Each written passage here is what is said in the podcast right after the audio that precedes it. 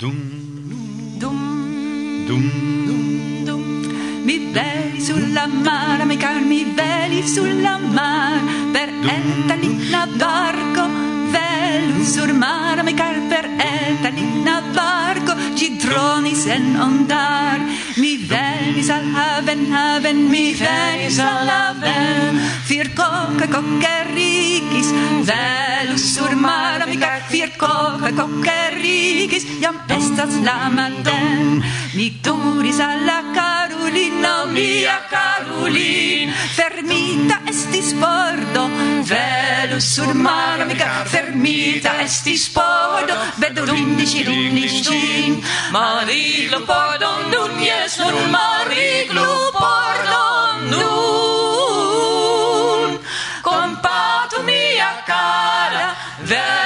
sur mare mi car compato mia cara pro mia misfortun passis la bracum bracum passis la bracum mi schwebis alla paradis velu sur mare mi car mi schwebis alla paradis allogis la parfum. Juventus nia am, yes am, Juventus nia am, si credus min sen mona vir, velus sur maverga, si credus min sen mona vir, set mitro pagis jam. Sen mona en la poș, la poș, sen mona en la poș, jeticis mi el put certigis mi al Putina solo cae por grosh.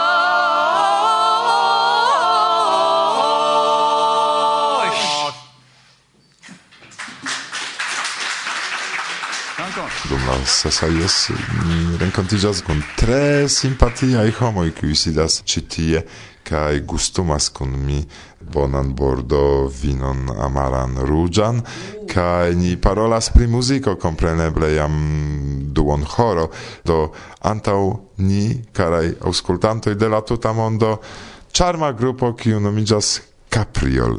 Mi estas Marian.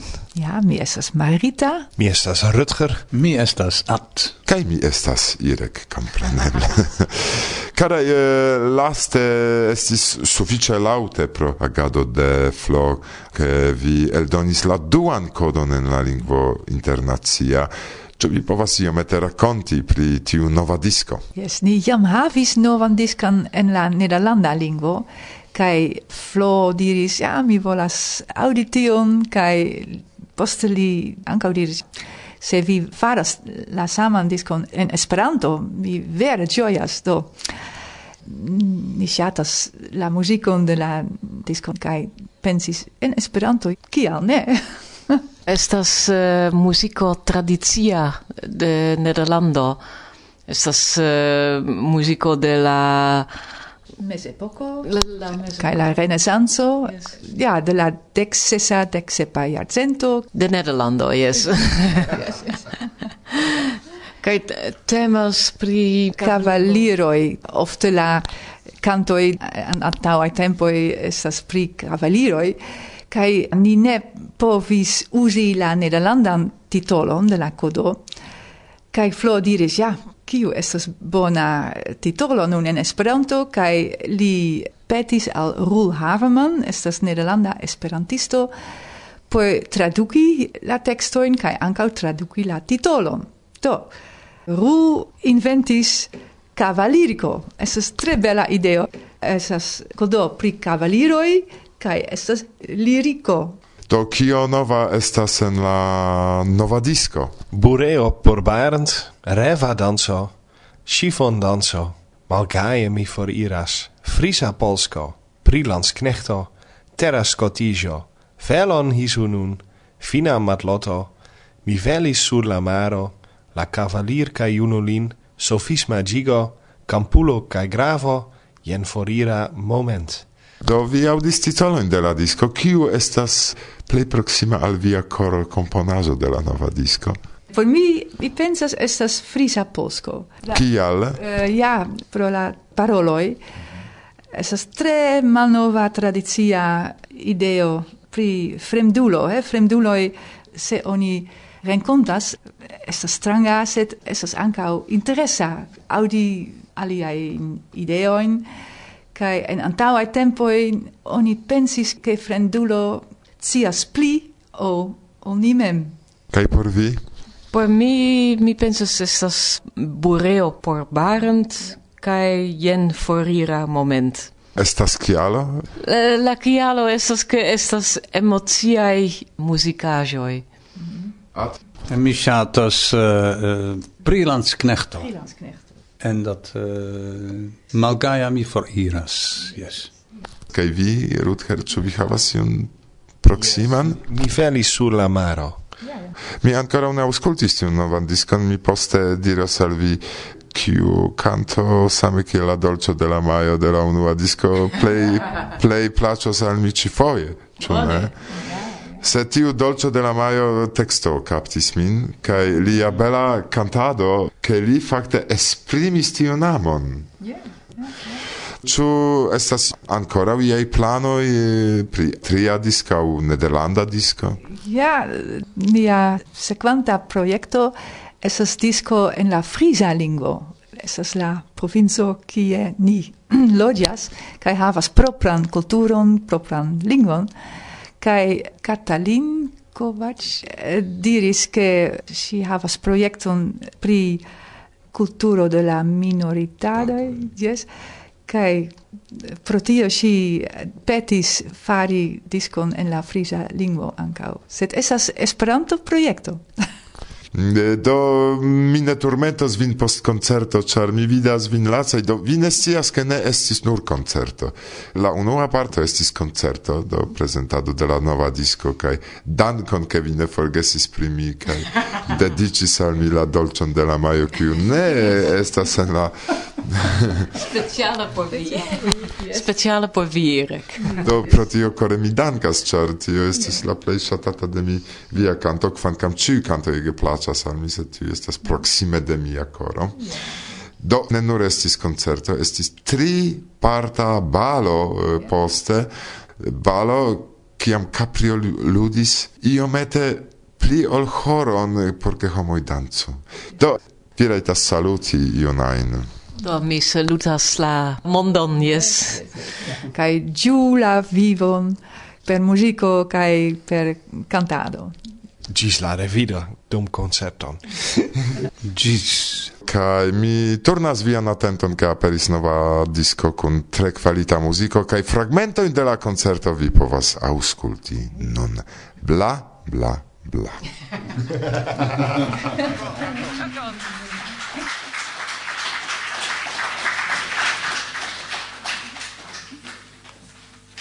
Dum sekvas la plej mal nova packanto de Nederlando.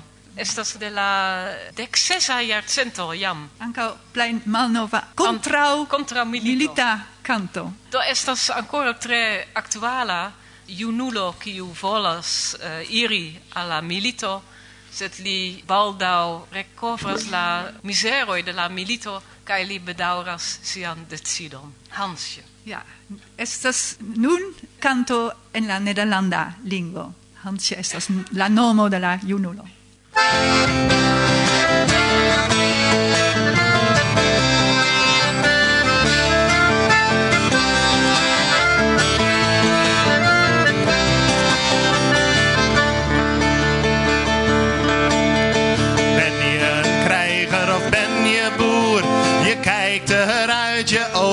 Zo stoer. Wil jij als krijgsman verkeren? Zo neem 500 gulden mee. De krijg zal ik jou leren. Hansje zwoer een dure eet. Al doet het mijn vader en moeder zo leed. Het krijg zal ik niet laten. Roven en stichten brand. Al op des heren straten. Hansje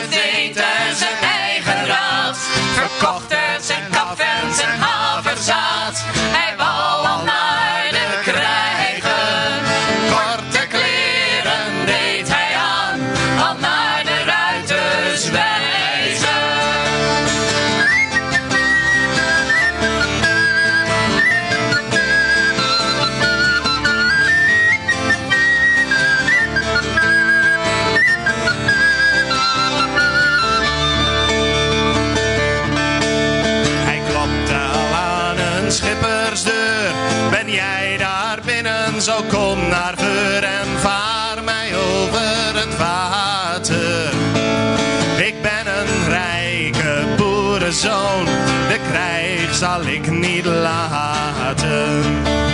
De schipper was er een goed gezel. Hij voerde hem over het water zo snel. Het water was om guren. Ach, was ik toch thuis gebleven, al in mijn vaders schuren.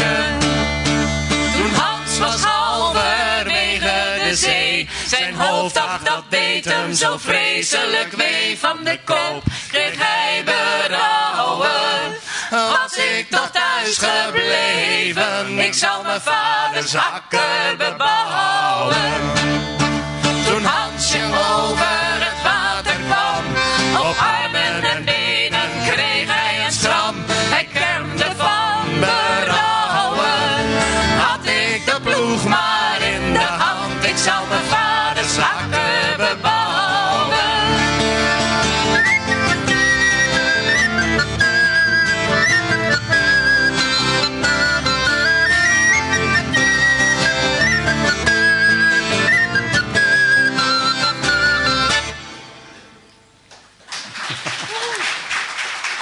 Danko.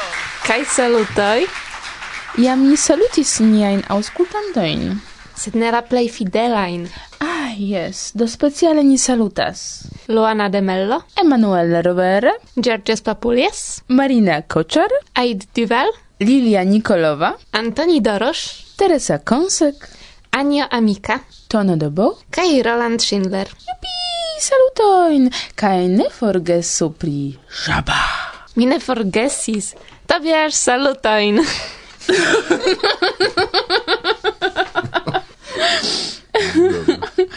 Kaj ne forgesu ni pri Glavkos.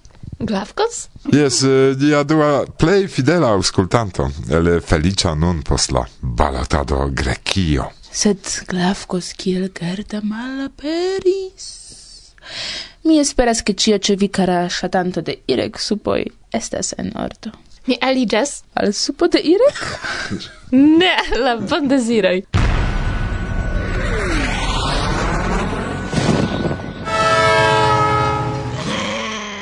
Varsovia vento. Bla bla bla. Uno, du, tri. Mikrofona renkontigio iom eksterordinara kun kreantoj eh, de alia podcasto. Saluton. Saluton. Saluton. Kaj preskaŭ ĉio klaras sed se vi ne sekvas novaĵojn, do tiam eble klarigu pri kio temas vi. Do ni kreas novan podcaston, kiu nomiĝas kern.info kai uh, ni ciam komencas nian eh, nian podcaston per uh, saluton Johannes. Saluton Eva. Pri kio ni parolos hodiaŭ? No pri ia temo, do tion pri tio ni interkonsentas tamen antaŭe, ĉu ne? yes, ĝuste.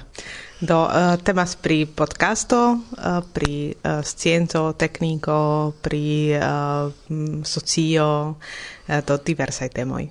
Yes, exacte. Do estas Fakte, mi havas kelkajn modeloin en la germanlingva podcastoj kaj ni fakte de tie evoluos nian stilon.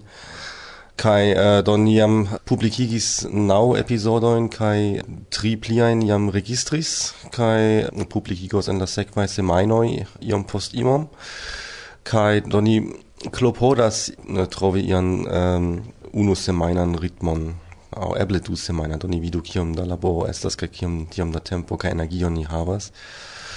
Sed tio estas fakte nia nia celo. Do tio semaina havi ian duon horan ĝis horan epizodon. Nekredeble multe da laboro laŭ mi. Char anca mi occupigas pri tio kaj mi scias kiom da laboro kostas registrado kaj poste prisorgado che la podcasto estu en la reto. Kial vi decidis tion fari? Ja vi estas muzikisto kiu dum la aranĝo esperantistaj aŭ sursceneje aŭ en gufujo proponas vian eh, trajnan programon vojaĝan kaj vin mi konas delonge sed vi estis kiel eh, tiu griza muso kiu ĉiam estas inter ĉiuj. Kaj vin nek prelegis nek eh, faris ion kio kaptus mian atenton. Do kial? Do kun ideo venis Johannes kaj uh, ni aŭskultas podcastojn, ankaŭ mi aŭskultas germanlingvajn podcastojn, ĉar mi provas lerni la germanan kaj tiuj podcastoj estas ege bonaj, almenaŭ tiujn kiujn ni aŭskultas, kaj ne estas uh, podcasto en Esperanto pri tekniko ekzemple au pri scienco au pri tiai temoj pri kiuj ni interesiĝas. Do ni interesiĝas compreneble, anca pri Esperanto kaj pri movado Kotopok kiel ekzemple Varsovia Vento faras podcaston set pri tiui uh, sciencaj temoj uh, ne ekzistas podcasto en Esperanto. Do ni decidis uh, iomete provi fari podcaston alian kaj ankaŭ con alia formato iomete. Do vi ja diris che podcastado bezonas multe da tempo, multe da tempo speciale por prepari kai anka por munti podcaston. Sed uh, nia podcasto estas ne muntita char uh, eh, ni volas uh, okupiĝi pli pri enhavo kai ni deziras havi podcaston pli vivan. Do ni registras, kai se ni eraras, mm, bedaurinde ni eraris, kai neniu fortranchos ni eraro in kai estas pli mal pli viva. Mil fortranchos. Yes, do tio fakte estas unu fakte sufiĉe grava decido ke ni decidis registri quasau estas rekta elsendo kaj tio estas ankaŭ nia iom pli uh, longdaŭra vizio fari rectan elsendon tra la interreto tio ja eblas. Sed ni unue devas kolekti kelkajn uh, pliajn uh, aŭskultantojn. Kai eh, tiam ni um, do laula auscultantoi uh, farus um, rectan el sendon kai uh, ankaŭ la tiam eble povus per ia redbabila sistemo doni skribajn komentojn al kiu ni poste uh, povas komenti. Do tio estis tio decido ke ni de la komenco simple äh, laboro tie quasi estas recta el sendo. Kaj tio ŝparas sufiĉe multe da laboro post la registrado. Do fakte nia laborfluo estas ke ni registras kaj poste uzas tiun äh, retan servon kiu nomiĝas Auphonic kiu faras tiun bazan sonprilaboradon kaj tiam ni en unu vespero povas bone registri kai publikigi tio funkcias sen probleme. Evam etis ke vi shatus okupiĝi pri diversai ec teknikaj temoi ĉu vi cerpas el iu faca literaturo, facai vortaroi por eh, ancau instrui auscultantoin pri vortoi kiui ne estas popularae cae ne aperas en gufuio, en trinceio, cer homoi simple parolas pri ordinarae aferoi. Ic ciam ni bezonas iomete prepari temon kaj pristudi ion, ĉar mi profesie estas arkitekto, do mi uzas en mia profesio tute alian vortaron. Uh, mi ŝatas komputilojn ekzemple, uh, mi ŝatas paroli pri komputilojn, sed uh, sed uh, tamen ciam aperas iu nova vorto kiun mi ne konas kaj se mi volas uh, uzi iun teknikan vorton, mi devas uh, unue serĉi ĝin en vortaro aŭ do ekzemple kaj en komputeko kaj eh, ni ĉiam pristudas eh, aferon, uh, serĉas aŭ en Wikipedio aŭ en aliaj retpaĝoj kaj pli malpli preparas la temon kaj poste ni povas pri tio babili, sed jes, ni, ni devas pristudi kaj serĉi fakajn vortojn. Yes, exacte. Do estio estas uh, fakte akurazas kadre de la tema uh, faka preparo kai äh, uh, foje ni invitas gastoin äh, kiu estas spertuloj pri ia specifa temo kiu ni volas kovri kai tio uh, fakte eblas nur en en Esperanto aranjoi aŭ en iaj aliaj aranjoi kie uh, partoprenas esperantisto kiu povas paroli pri iu temo kiu uh, nin interesas. Ekzemple mi faris intervjuon kun Martin Hase Li estas uh, grava homo en la medio de la Chaos Computila Clubo, kaj pri tio mi faris uh, elsendon uh, dum la kongreso de la Chaos Computila Clubo en Hamburgo uh, antaŭ alveni ĉi tien al jes. Kaj do kadre de la preparo don fakte ni ĉiam kreas iajn uh, etajn dokumentojn kun la baza strukturo de la epizodo kaj tiam ni rigardas la um, gravajn vortojn, kiun ni bezonas, sed ni ĉiam mm, havas uh, ankaŭ äh, uh, komputilojn uh, äh, antau ni, kiam ni uh, registras, kai do bone povas okazi, ke ni tamen ne scias iun vorton, kai tiam ni fakte tiam parolus pri tio, ĉar ne estas hontinde ne koni ian uh, specifan uh, fakan vorton, kai do ni diros, am, um, vi ne konas tiun vorton, do eble mi kontrolas en wikipedia do wikipedia diras tion, kai uh, computeko diras tion, kai ni fakte diskutos tiam tiun um, vorton kai eble uh, interkonsentas pri kiun vorton uzi ekde tiu punkto. Ĉu ne valoras do meti eh, vortaron sen priskribo de vortoj kiuj al vi eh, ŝajnas esti ne vere popularaj, ĉar homoj povas per oreloj ne vere bone distingi pri kiu vorto temas kaj Eh, se ili vidos kiel vorto estas skribita povas serĉi eĉ en Vikipedio, ĉu ĉu ne valoras tion fari? Eble jes, eh, estas interesa ideo, do ni pripensos certe, sed ni ĉiam metas ligiloin al uh, nia retpaggio, kie estas prescribita temo, kaj uh, foje temas ankaŭ pri, ekzemple pri Wikipedia artikolo, kaj tiam vortoj aŭ vortaro estas trovebla tie fakte sed uh, ni povas pripensi ankaŭ tion, sed uh, tio aldonas sufiĉe multe da laboro kaj mm. ni ne celas fakte krei novan vortaron, sed simple uzi vortojn en uh, nia podcasto. Ja, so tio estas fakte temo pri kio ni ankaŭ devas iomete evolui Cia, fakte mi shatus ke po ciu vorto kion ni uzas, po ciu faka termino estu ligo al Wikipedia articolo au al ia clarigo, tiel ke eh, uh, homoi ne nur exciu la signifon de la vorto, sed anca havas ian en ir puncton por plia pristudo de ia temo, sed tion ni gis nun ancora ne tiom eh, vaste faris, ke ni ancora ne havas la... Um, teknikan infrastrukturon por rapide tion fari, char do estas ja äh, fakte oni povus tion fari antaŭ la elsendo mem kai äh, eh, der was trovi ian vojon tion fari äh, rapide kaj laŭ uh, eble ähm, äh, labor spareme Sed tio estas äh, Ciel ein, ci estas äh, grava punto, kai ni devas äh, inventi äh, ja in rimedo in tio ancora. Do vi nun estas atestantoj, ke la vivo progresas eh, ankaŭ Esperantujo, ĉar eh, sidas ĉi tie reprezentantoj de tri nacioj kiui occupigas pri via kulturo, pri tio ke vi havu ion por ausculti, kaj giuste aperis nova, ege senza podcasto, kaj mi sincere diras ke mi auscultas ciun episodo, ec uno mi auscultis kvar foje, ege ec placis al mi melodio de la vocioi, havas orelojn, kai... Eh, captis min ankaŭ tiu ĝuste viva interparolo, kiu ŝajnis esti kiam ni parolas ĉe tablo en gufujo fakte. Do ni povas longe pri tio paroli. Mi admiras vian laboron kaj simpatias kun ĝi iaj planoj. Do nia ĉefa plano estas daŭrigi, ĉar eh, estas sufiĉe malfacile trovi tempon pristudi novajn temojn kaj eh, ĉiam trovi vere tempon por fari novan epizodon. Do mi esperas ke ni povas uh, sufiĉe longe, longdaŭre fari tiun podcaston. Do tio tio laŭ mi estas ĉefa plano nun.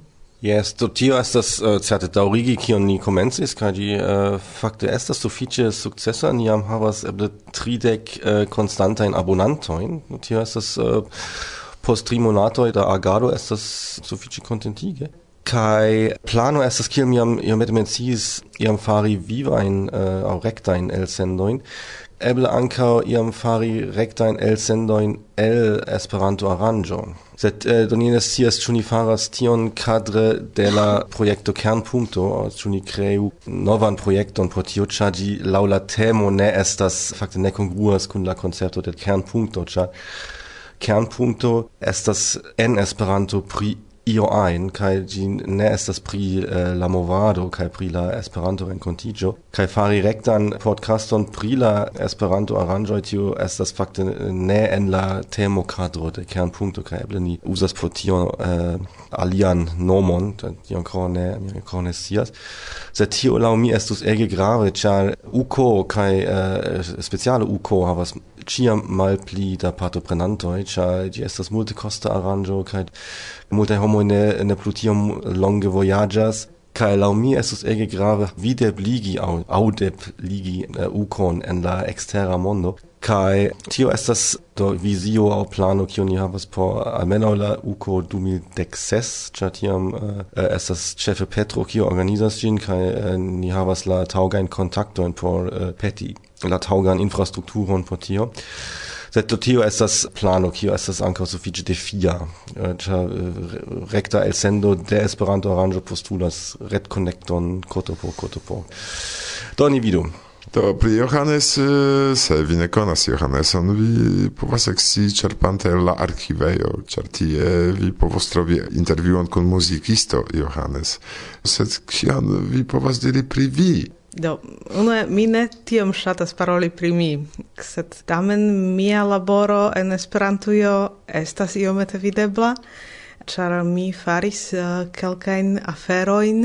Ekzemple mi desegnis uh, toĉemizojn, kelkaj estas aperas en multaj aranĝoj kaj mi vidas ke estas sufiĉe bone konataj kaj ŝatataj toĉemizoj, kiujn mi faris. Mi ankaŭ faris videaĵojn estis manko de videaĵoj en Esperantujo kaj eh, mi preparis videaĵon por eh, kanto de Johannes, kiu estis eh, sufiĉe sukcesa, ĉar ĝi venkis en konkurso de Germana Esperanto-Asocio kaj poste ni faris ancau alian videajon por lia canto, mi faris videajon por canto de Lopogo, do miei vercoi videbas. A vidu kiel mondo malgrandas, ĉu ne?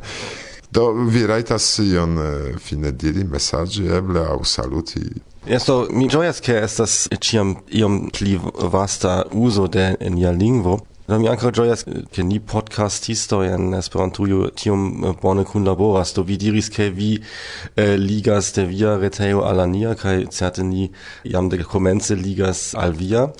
Do en laŭ la statistiko nuntempe estas via eh, retejo kiu alportas al ni la play grandan quanton de auscultantoi.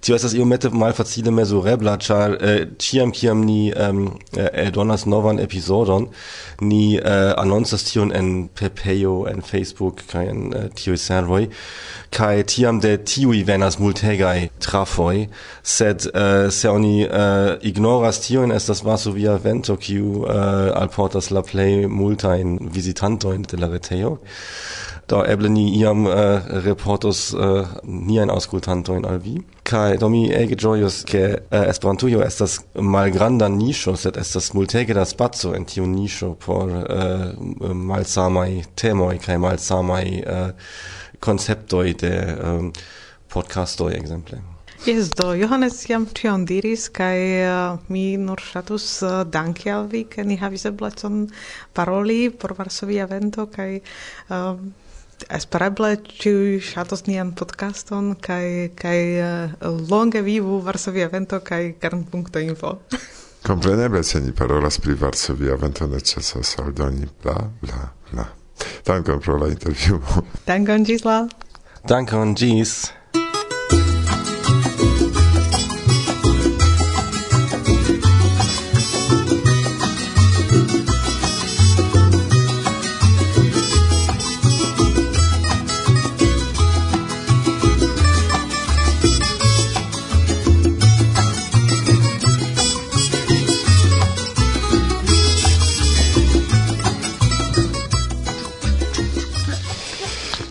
estas cio kion hodiaŭ al vi ni preparis. En la venonta programo ankaŭ tre interesaj intervjuoj. Ekzemple muzike kun John M. Sed tio post du, tri semajnoj. Pacience atentu. Yes! La provizora studio de Varsovia Veto parolis al vi hodiaŭ Martusia, Kasia Ho kaj mi, Irek.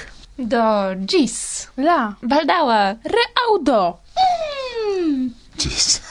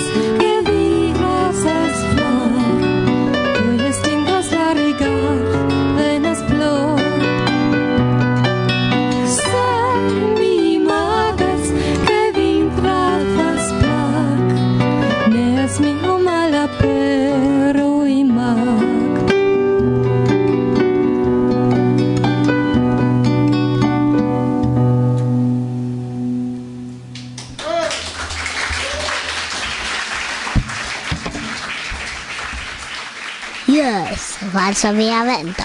Bla bla bla.